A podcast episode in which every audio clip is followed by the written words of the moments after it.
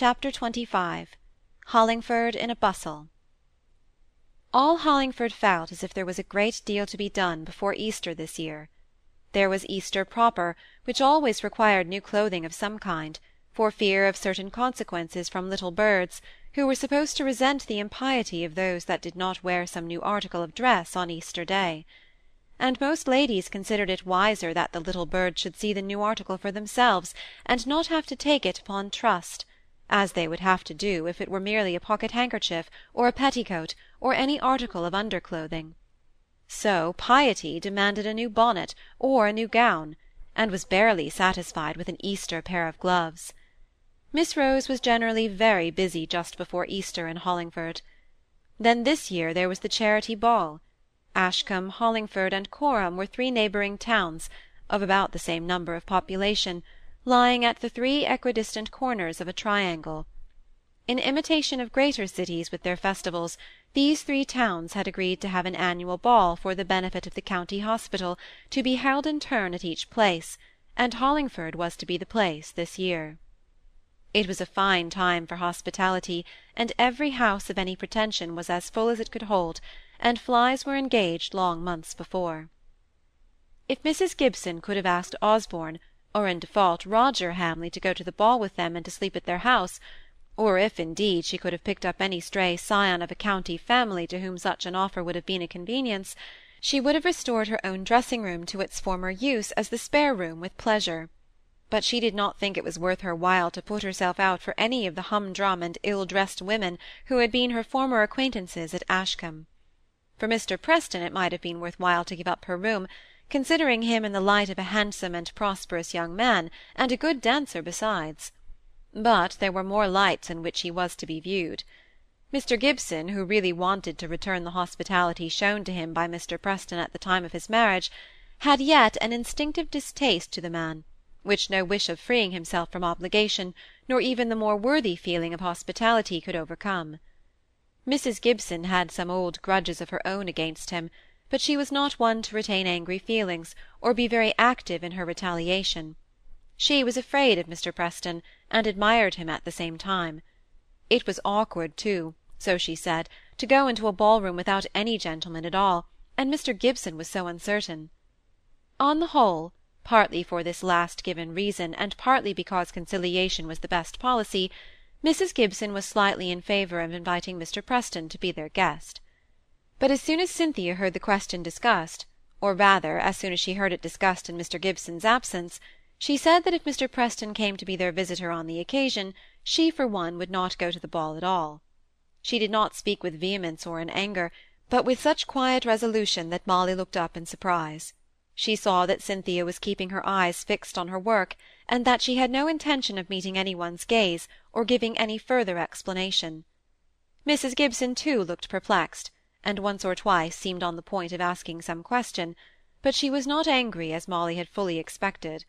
She watched Cynthia furtively and in silence for a minute or two, and then said that, after all, she could not conveniently give up her dressing-room, and altogether they had better say no more about it.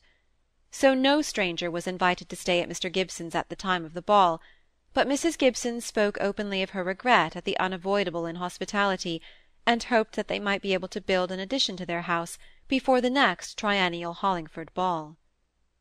Another cause of unusual bustle at Hollingford this Easter was the expected return of the family to the Towers, after their unusually long absence.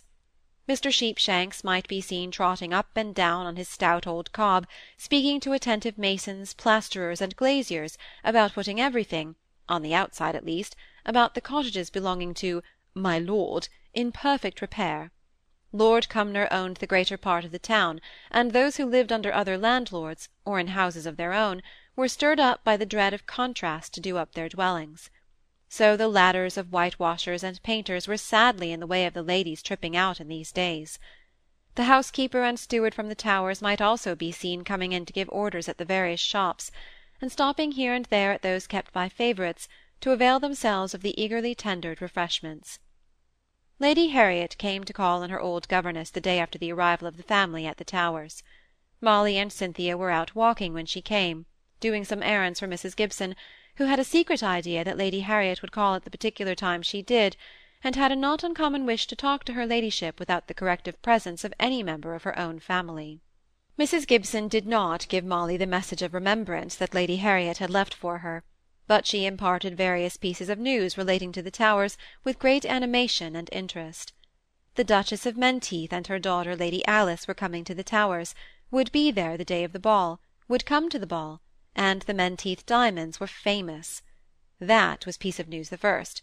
The second was that ever so many gentlemen were coming to the Towers, some English, some French. This piece of news would have come first in order of importance, had there been much probability of their being dancing men, and, as such, possible partners at the coming ball.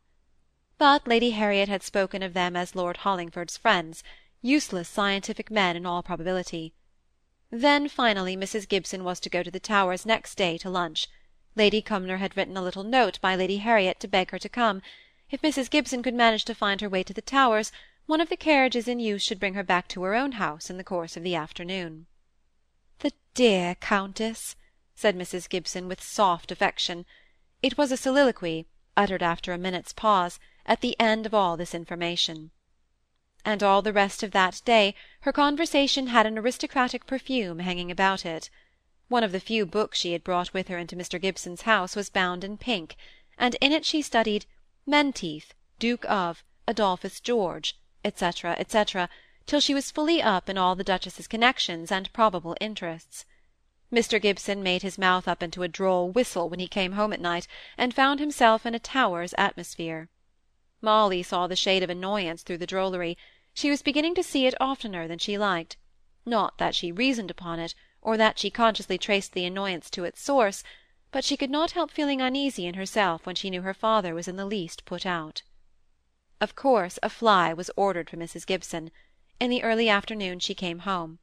If she had been disappointed in her interview with the Countess, she never told her woe, nor revealed the fact that when she first arrived at the Towers she had to wait for an hour in Lady Cumnor's morning-room, uncheered by any companionship save that of her old friend Mrs. Bradley, till suddenly, Lady Harriet coming in, she exclaimed, "Why, Clare, you dear woman, are you here all alone? Does mamma know?" And after a little more affectionate conversation, she rushed to find her ladyship, who was perfectly aware of the fact, but too deep in giving the Duchess the benefit of her wisdom and experience in trousseau to be at all aware of the length of time Mrs. Gibson had been passing in patient solitude. At lunch Mrs. Gibson was secretly hurt by my lord supposing it to be her dinner, and calling out his urgent hospitality from the very bottom of the table, giving as a reason for it that she must remember it was her dinner. In vain she piped out in her soft high voice, "Oh, my lord, I never eat meat in the middle of the day; I can hardly eat anything at lunch." Her voice was lost, and the Duchess might go away with the idea that the Hollingford doctor's wife dined early; that is to say, if her Grace ever condescended to have any idea on the subject at all, which presupposes that she was cognizant of the fact of there being a doctor at Hollingford, and that he had a wife, and that his wife was the pretty, faded, elegant-looking woman sending away her plate of untasted food, food which she longed to eat, for she really was desperately hungry after her drive and her solitude and then after her lunch there did come a tete-a-tete with Lady Cumnor, which was conducted after this wise. "Well, Clare, I am really glad to see you. I once thought I should never get back to the Towers, but here I am. There was such a clever man at Bath, a Dr. Snape. He cured me at last, quite set me up. I really think if I am ever ill again I shall send for him. It is such a thing to find a really clever medical man. Oh, by the way, I always forget you've married Mr. Gibson. Of course he is very clever and all that. The carriage to the door in ten minutes, Brown, and desire Bradley to bring my things down. What was I asking you? Oh, how do you get on with the step-daughter? She seemed to me a young lady with a pretty stubborn will of her own. I put a letter for the post down somewhere, and I cannot think where. Do help me look for it, there's a good woman. Just run to my room and see if Brown can find it, for it is of great consequence. Off went Mrs. Gibson rather unwillingly, for there were several things she wanted to speak about, and she had not heard half of what she had expected to learn of the family gossip. But all chance was gone, for when she came back from her fruitless errand, Lady Cumnor and the Duchess were in full talk, Lady Cumnor with the missing letter in her hand, which she was using something like a baton to enforce her words. "Every iota from Paris! Every iota!" Lady Cumnor was too much of a lady not to apologize for useless trouble, but they were nearly the last words she spoke to Mrs. Gibson, for she had to go out and drive with the Duchess, and the brougham to take Clare, as she persisted in calling Mrs. Gibson, back to Hollingford followed the carriage to the door. Lady Harriet came away from her entourage of young men and young ladies, all prepared for some walking expedition, to wish Mrs. Gibson good-bye. "We shall see you at the ball," she said. "You'll be there with your two girls, of course, and I must have a little talk with you there. With all these visitors in the house, it has been impossible to see anything of you to-day, you know." Such were the facts, but rose-colour was the medium through which they were seen by Mrs. Gibson's household listeners on her return. "There are many visitors staying at the Towers. Oh yes, a great many. The Duchess and Lady Alice, and Mr. and Mrs. Grey, and Lord Albert Monson and his sister, and my old friend Captain James of the Blues, many more in fact. But of course I preferred going to Lady Cumnor's own room, where I could see her and Lady Harriet quietly, and where we were not disturbed by the bustle downstairs. Of course, we were obliged to go down to lunch, and then I saw my old friends, and renewed pleasant acquaintances. But I really could hardly get any connected conversation with any one. Lord Cumnor seemed so delighted to see me there again, though there were six or seven between us, and he was always interrupting with some civil or kind speech especially addressed to me. And after lunch Lady Cumnor asked me all sorts of questions about my new life with as much interest as if I had been her daughter. To be sure, when the Duchess came in we had to leave off, and talk about the trousseau she is preparing for Lady Alice. Lady Harriet made such a point of our meeting at the ball. She is such a good, affectionate creature, is Lady Harriet. This last was said in a tone of meditative appreciation. The afternoon of the day on which the ball was to take place, a servant rode over from Hamley with two lovely nosegays.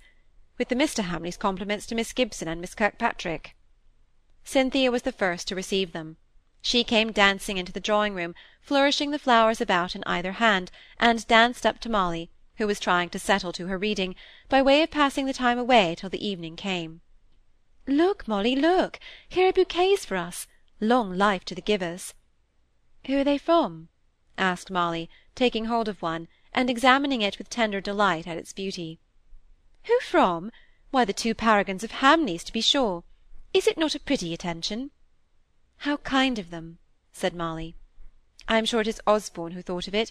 He has been so much abroad, where it is such a common compliment to send bouquets to young ladies."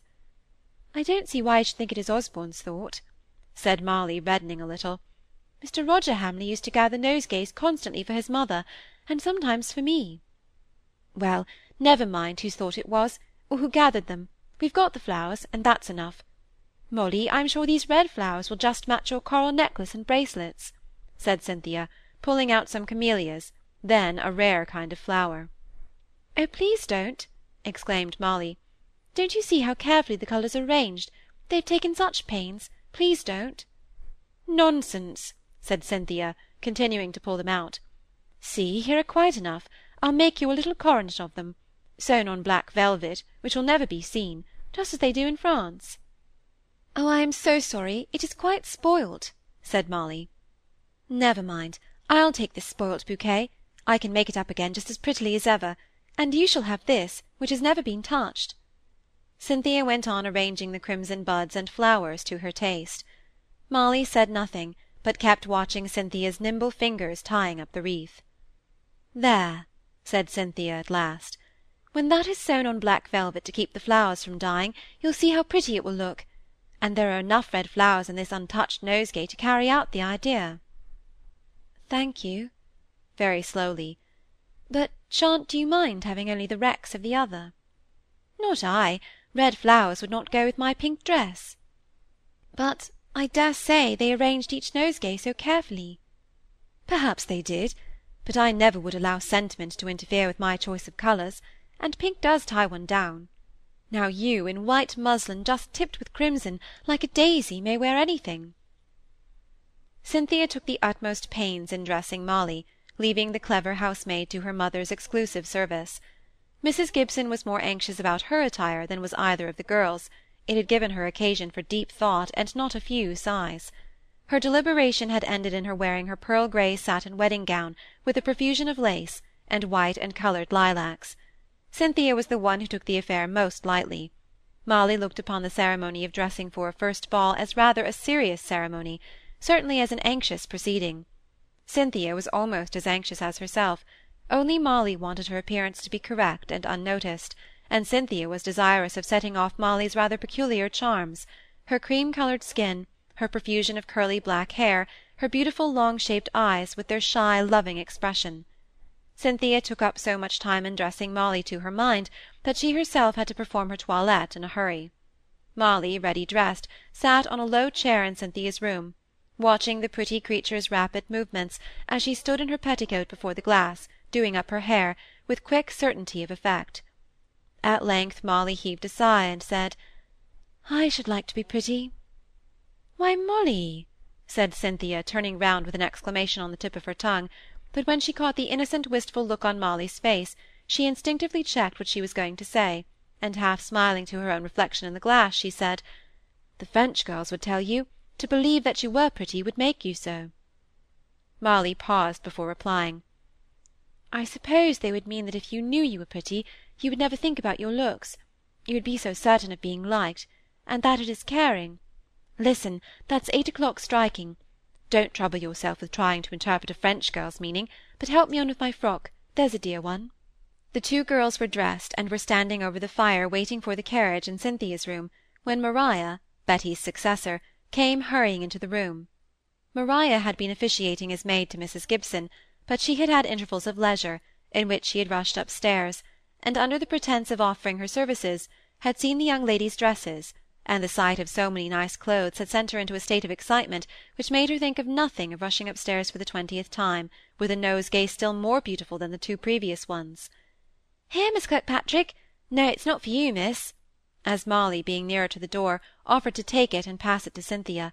"It's for Miss Kirkpatrick, and there's a note for her besides." Cynthia said nothing, but took the note and the flowers. She held the note so that Molly could read it at the same time she did. "I send you some flowers, and you must allow me to claim the first dance after nine o'clock, before which time I fear I cannot arrive. R. P." "Who is it?" asked Molly. Cynthia looked extremely irritated, indignant, perplexed. What was it turned her cheek so pale, and made her eyes so full of fire? "It is Mr. Preston," said she in answer to Molly. "I shall not dance with him, and here go his flowers." Into the very middle of the embers, which she immediately stirred down upon the beautiful shrivelling petals, as if she wished to annihilate them as soon as possible. Her voice had never been raised, it was as sweet as usual nor, though her movements were prompt enough, were they hasty or violent. "Oh!" said Molly, "those beautiful flowers! We might have put them in water."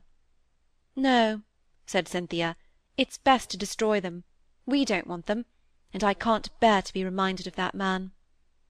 "It was an impertinent familiar note," said Molly. "What right had he to express himself in that way? No beginning, no end, and only initials. Did you know him well when you were at Ashcombe, Cynthia?" "Oh, don't let us think any more about him," replied Cynthia. "It is quite enough to spoil any pleasure at the ball to think that he will be there. But I hope I shall get engaged before he comes, so that I can't dance with him, and don't you either." "There, they are calling for us!" exclaimed Molly, and with quick step, yet careful of their draperies, they made their way downstairs to the place where Mr. and Mrs. Gibson awaited them. Yes, Mr. Gibson was going, even if he had to leave them afterwards to attend to any professional call and Molly suddenly began to admire her father as a handsome man, when she saw him now in full evening attire. Mrs. Gibson, too, how pretty she was! In short, it was true that no better looking a party than these four people entered the Hollingford ball-room that evening.